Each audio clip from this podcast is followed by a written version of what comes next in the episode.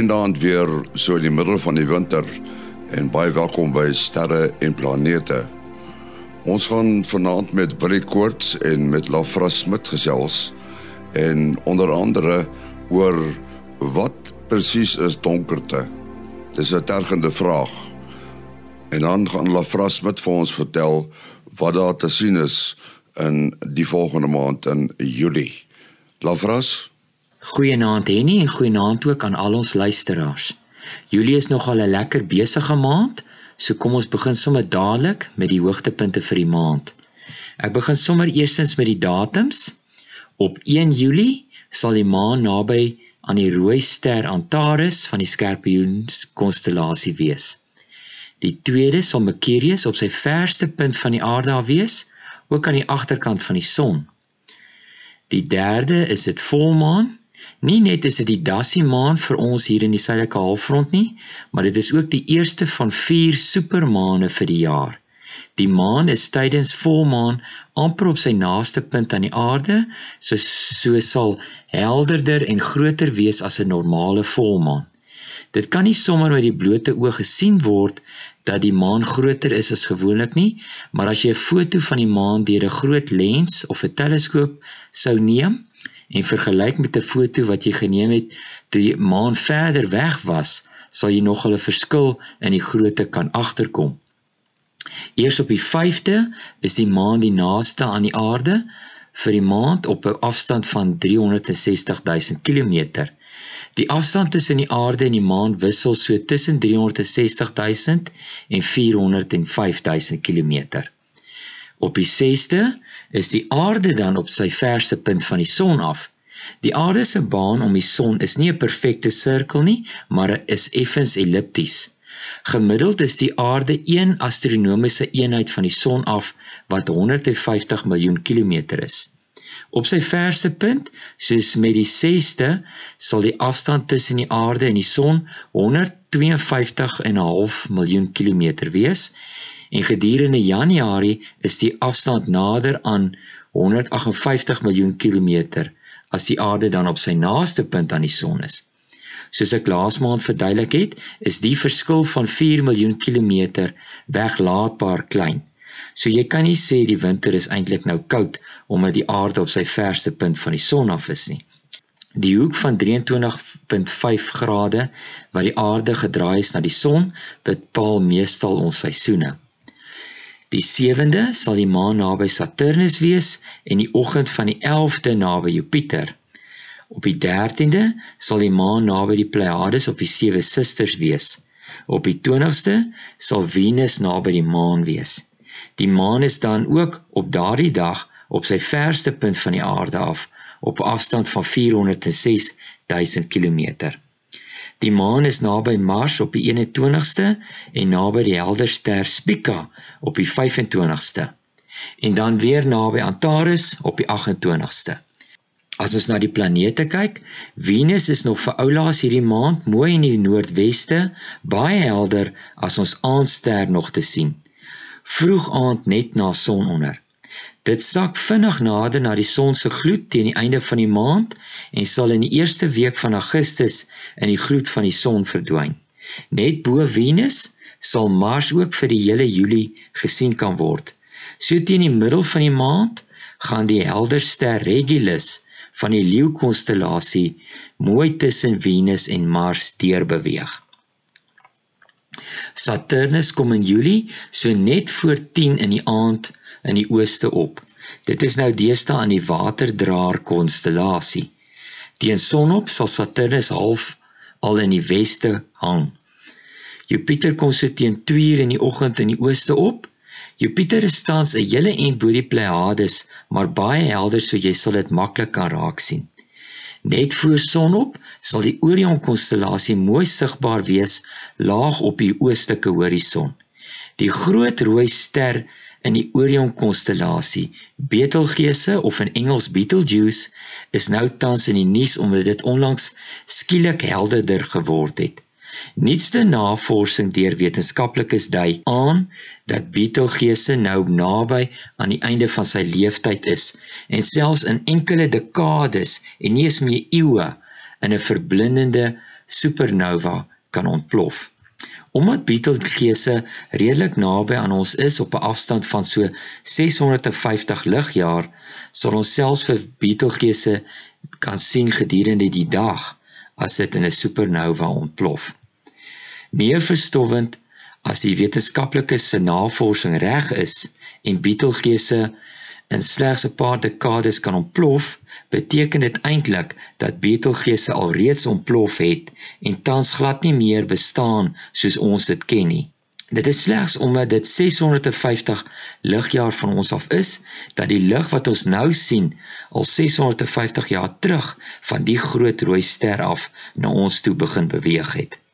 Die suidekruis is saans mooi regop in die suide te sien en oos sal die skorpioen die naghemel domineer. Dit sak so na 4:00 die oggend om plek te maak vir die Orion konstellasie wat dan in die ooste opkom. Kyk ook uit vir oorvlugte van die internasionale ruimtestasie as ook die Chinese ruimtestasie. Ongelukkig blyk dit dat vanaf Elon Musk sy tweede generasie Starlink satelliete begin opstuur het, dat hulle nie meer so mooi helder en duidelik gesien kan word na 'n lansering soos die ouer generasie Starlink satelliete nie. Maar ons bly maar uitkyk vir hulle. Nou ja, dit is dan my storie vir Julie maand. Lekker opkyk almal. Dankie daarvras. Ons kyk nou so na die uh uitspansel, die hemelruim en so aan. Ek onthou, weet mense vra my baie hoe hoe dit gebeur dat ek begin belangstel het in in sterrekunde. Ek ek het so 'n quasi belangstelling gehad. Maar ek dink wat gebeur het is, is toe ek die eerste maal 'n ander sterrestelsel sien. Met ander woorde, ons sterrestelsel is mos nou die Melkweg en uh toe ek die ander sterrestelsel sien en dit is Andromeda. Veral toe ek hoor hy is 2,4 miljoen ligjaar weg. Uh wat het jou aangeskakel met sterrekunde? Ek het nou al by 'n paar plekke gewerk onder andere voermeel en en eh, ek het man ek het baie natuurlike belangstelling in wat rondom my aangaan en en eh, by die voermeel was ek nou nuuskierig hoe stel hulle voer saam en verskillende tye van die jaar wat jy verskillende goederes kan kry en ander is nie beskikbaar nie. Uh, uh en en uh, uh toe ek nou 'n bietjie bietjie gaan kyk uh, uh hoe hoe doen hulle voed. Daarna het ek uh, by 'n plofstoffabriek ge, gewerk en dit was ook vir my interessant om te sien hoe maak mens plofstof. Nou nie laat ek laat ek nou dit by die huis wil probeer nie.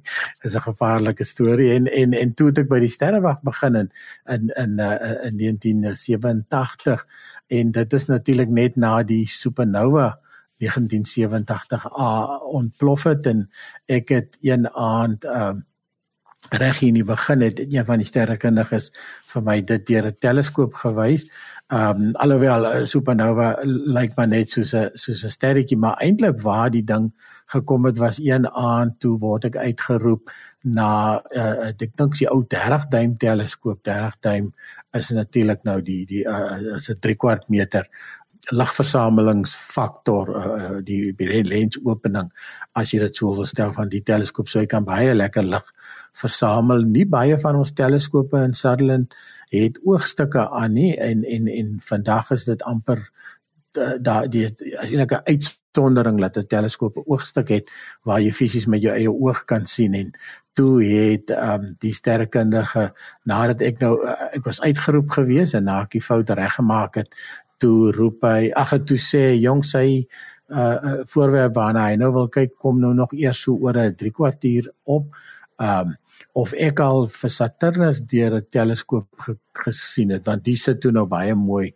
en uh, uh hy rig gou die teleskoop daar op Saturnus en en met hierdie oogstuk wat eintlik baie lekker vergroot uh, uh is dit letterlik dit voel vir jou asof jy die uh planeet kan aanraak. Dit uh, uh die ringe lyk like sommer so driedimensioneel en nou ja toe so toe ek nou later een van die ander sterrekundiges het 'n teleskoop ge, uh, gehad uh, want ek sê toe ek sou graag 'n teleskoop wil hê en hy sê jong hier by by sê hy's lê 'n ding wat iemand vir hom gegee het hulle het Halley se komeet gekyk met hom en toe nou nooit weer verder nie. en die ding lê in vergader net stof daarso en en toe het hy die vir my gegee en toe het ek hom omgebou en toe het ek nou sommer 'n 'n teleskoopmaker ook geraak in die in die proses. Nou ja, dit is nou dis nou meer as 30 jaar gelede.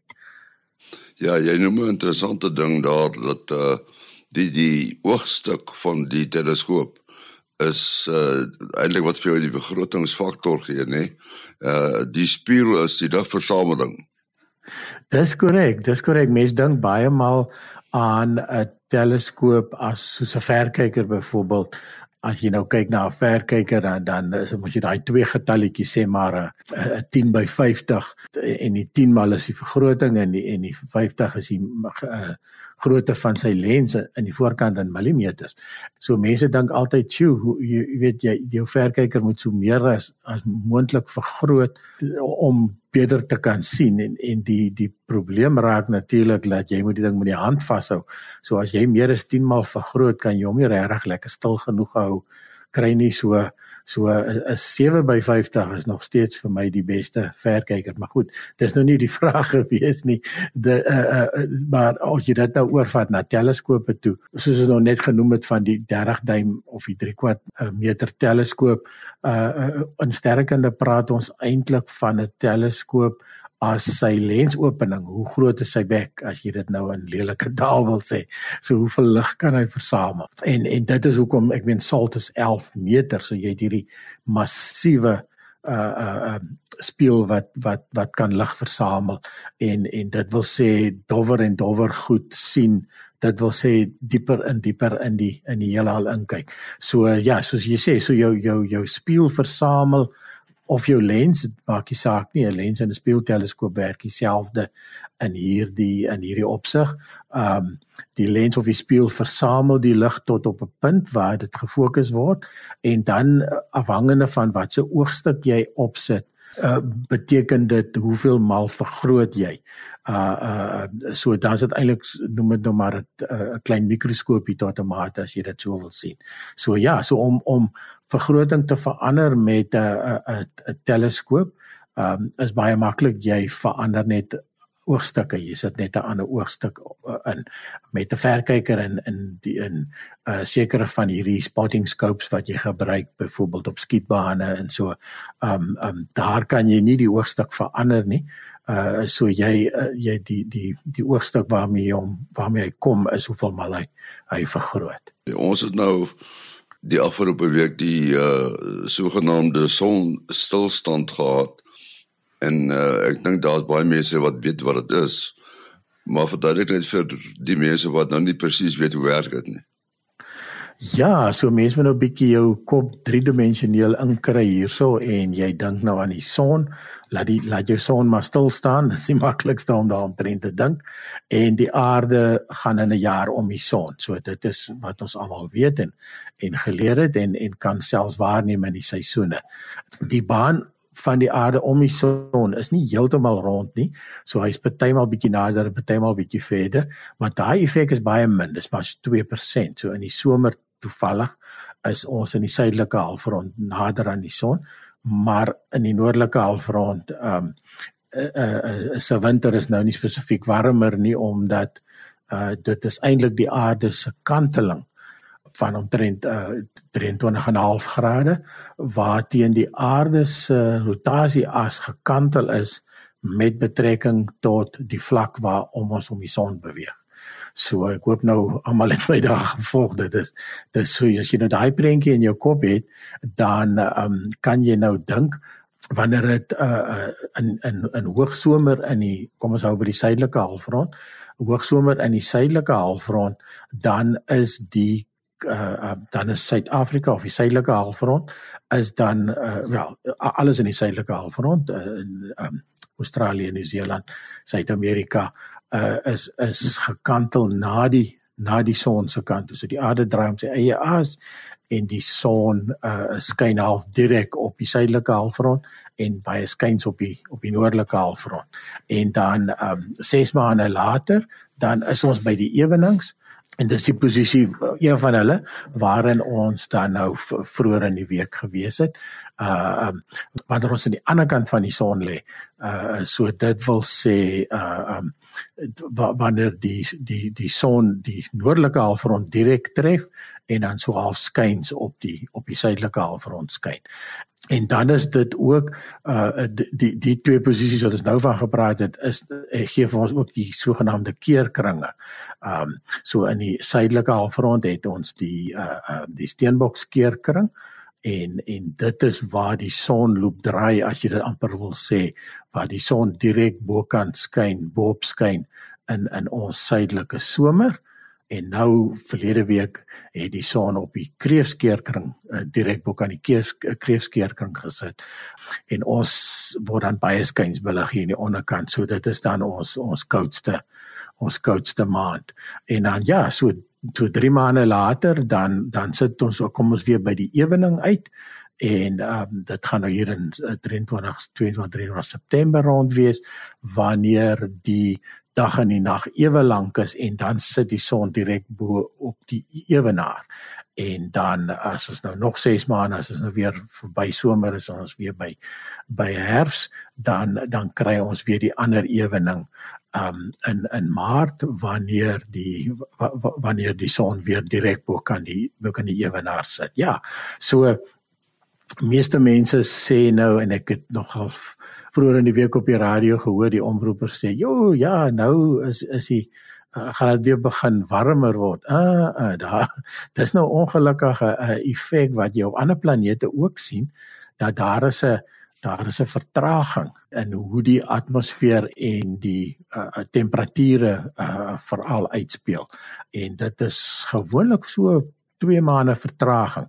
So so ons ons koudste gedeelte van die winter volg eintlik nou nog omdat alles nog gaandeweg besig is om af te koel alhoewel die dae nou stadig aangaan begin langer word. Ja, so natuurlik nou soos ons gesê het, um Woensdag was dit dan die langste nag en die kortste dag in die suidelike halfrond.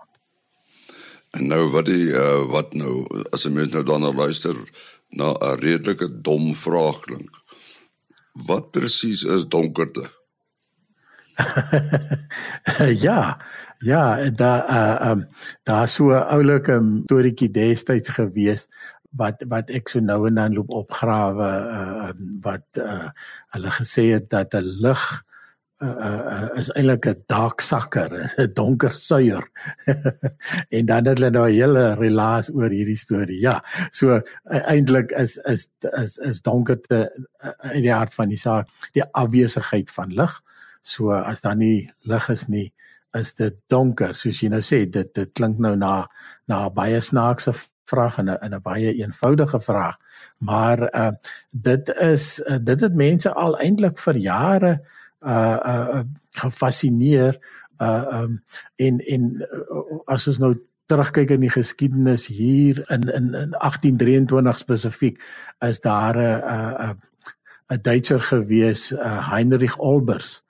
En en en uh, hy het 'n uh, 'n uh, uh, nou sterkende studeer en wat ook al en en en een nag een nag toe dink hy skielik by homself maar hoekom is die nag dan donker uh daar's dan sterre oral. Uh, Daai stadium het hulle nou uitgewerk, maar maar die sterretjies wat ons sien is is ook sonne.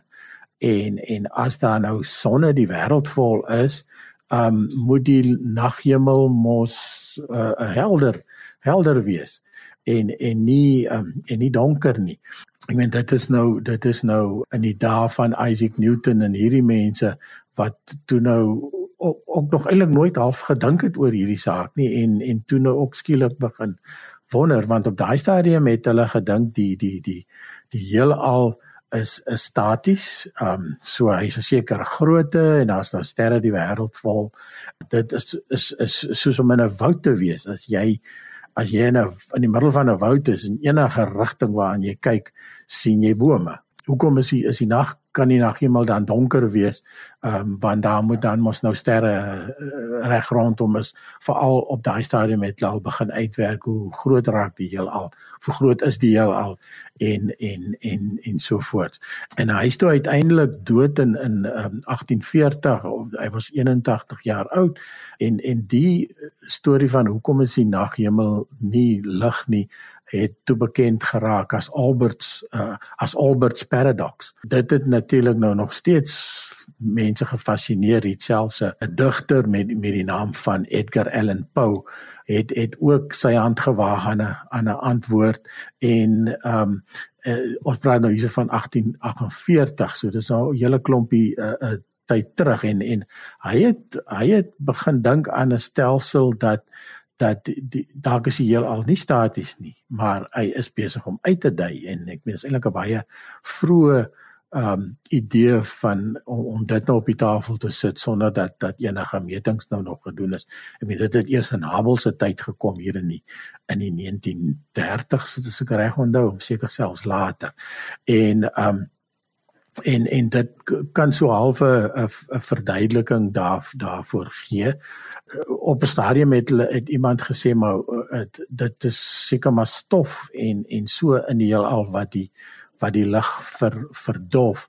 Um en toe sê Edmund Halley maar maar um maar dan beteken dit die stof moet warm word want die sterlig skyn dan die sonlig skyn dan op hulle en dan sal jy mos nou uiteindelik kry laat laat die goed begin gloei. So dit, is um alles idees waarmee hulle ges, gesit het. En nou so onlangs as as 1963 was daar 'n 'n Britse sterre sterrekundige met die naam van uh, Pieter uh, Schroeder en hy het hy het gesê jong kosmologie dit is nou al 'n noem dit maar 'n nuwe wetenskap wat begin pos wat dit wat die beskrywing van die heelal daar buite gee. Uh um daar's 2 en 'n half feite in kosmologie. En die eerste eerste feit is die een van ja, die die nag is donker, ons weet dit. Ons sien dit en dit is nog altyd so gewees. En en die die tweede een is dat um dat uh, galaksies en sterrestelsels is is besig om weg te beweeg van mekaar en dit het Hubble op daai stadium al gewys in 1929 en en dan die die die halwe feit is dat dat die die hele alles nie staties nie maar is besig om te evolueer die hele tyd besig om om te verander. Nou ja, toe het ons nou in, in, uh, uit uiteindelik um die, die oerknal teorie wat natuurlik nou die teorie is wat wat sê ja, dit is dit is uh um uh, hoe dit hoe dit alles uh, moes begin het en uh, uh uiteindelik met kosmiese agtergrondstraling waaroor ons al keer wat op die program gepraat het. Um het het ons toe nou uitgevind um ja eintlik eintlik gloei die gloei die heelal reg reg rondom ons maar dit is dit die probleem is dit dat die die gloed is bitter bitter flou uh um, en en jy het baie spesiale 'n uh, toerusting nodig om om dit te sien. So uh, ja, so so dit wil sê as ons opkyk in die nag met ons met ons oë wat nie ligsensitief genoeg is nie, sien ons net donkerte. Maar as jy uh, 'n uh, detektor het wat dit um, vir jou vir jou uitwys, uh, dan kan jy sien nee, sover jy kyk, is daar eintlik is daar eintlik sterrestelsels en dis natuurlik nou ook bevestig met die Hubble Deep Field die die die foto wat Hubble geneem het kort na hy op was uh uh um, wat jy in enige hulle basies in 'n stukkie van die naghemel gaan kyk sonder waar daar niks voorheen bekend was nie en en 3 3000 sterrestelsels gesien daar. Toe die kamera verbeter die die foto weer geneem met 'n groter stukkie van die naghemel en uh 10000 galaksies. Ja James Webb doen nog beter En presies, die eerste James Webb Deep Field was natuurlik toe nou die die die die die ultimate stap van nou kyk ons in die infrarooi en nou kan ons sien, jo, ja nee, die die die daghemel gloei reg. Ja, dit is interessant as mens kyk na die die video's van die internasionale ruimtestasie. Dan sien jy tydens 'n sogenaamde uh extra vehicular weet nie wat die afkorting is nie, maar as jy ons buite ja, rond e ronddryf. Ja, ja, EVA. Dan is daar baie lig, maar die agtergrond is donker. Ja, dis reg. Ja, ja, die ja, die EVA is 'n uh, extra vehicle activity. Ek weet nie hoekom hulle sulke snaakse akronieme gee vir die goed nie. En ehm um, en en dit dit laat mense natuurlik ook besef dat dat hoe naby die ruimtestasie eintlik aan die aarde beweeg. Ek meen is net so oor die 400 km, 400 en 40 of wat ook al. Ja. Ek meen dis van die Kaap Kaap af Beaufort West toe. Dit is dis eintlik bitter naby. Ehm um, so die aarde se gloed uh, uh en Hubble het dieselfde probleem. Die Hubble ruimteteleskoop het dieselfde probleem. Jy het hierdie geweldige gloeiende uh 'n uh, planeet reg agter jou en en jy moet in die in die donkerte inkyk maar natuurlik uit die aard van die saak Hubble kan altyd wegkyk van nie en hulle moet altyd wegkyk van die aarde af maar uh, ja soos jy sê daar is eintlik eintlik baie baie lig daar buite maar dit is maar as gevolg van die weerkaatsing van sonlig van die aarde af en seker tot 'n mate van die maan af afhangende van die die fase van die maan. Daar's hy wil jy uh, jou besonderhede asseblief. Ja, mense kan WhatsApp verkieslik 0724579208.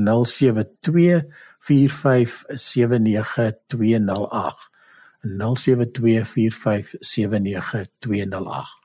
En onthou die program se e-posadres is sterreplanete@gmail.com.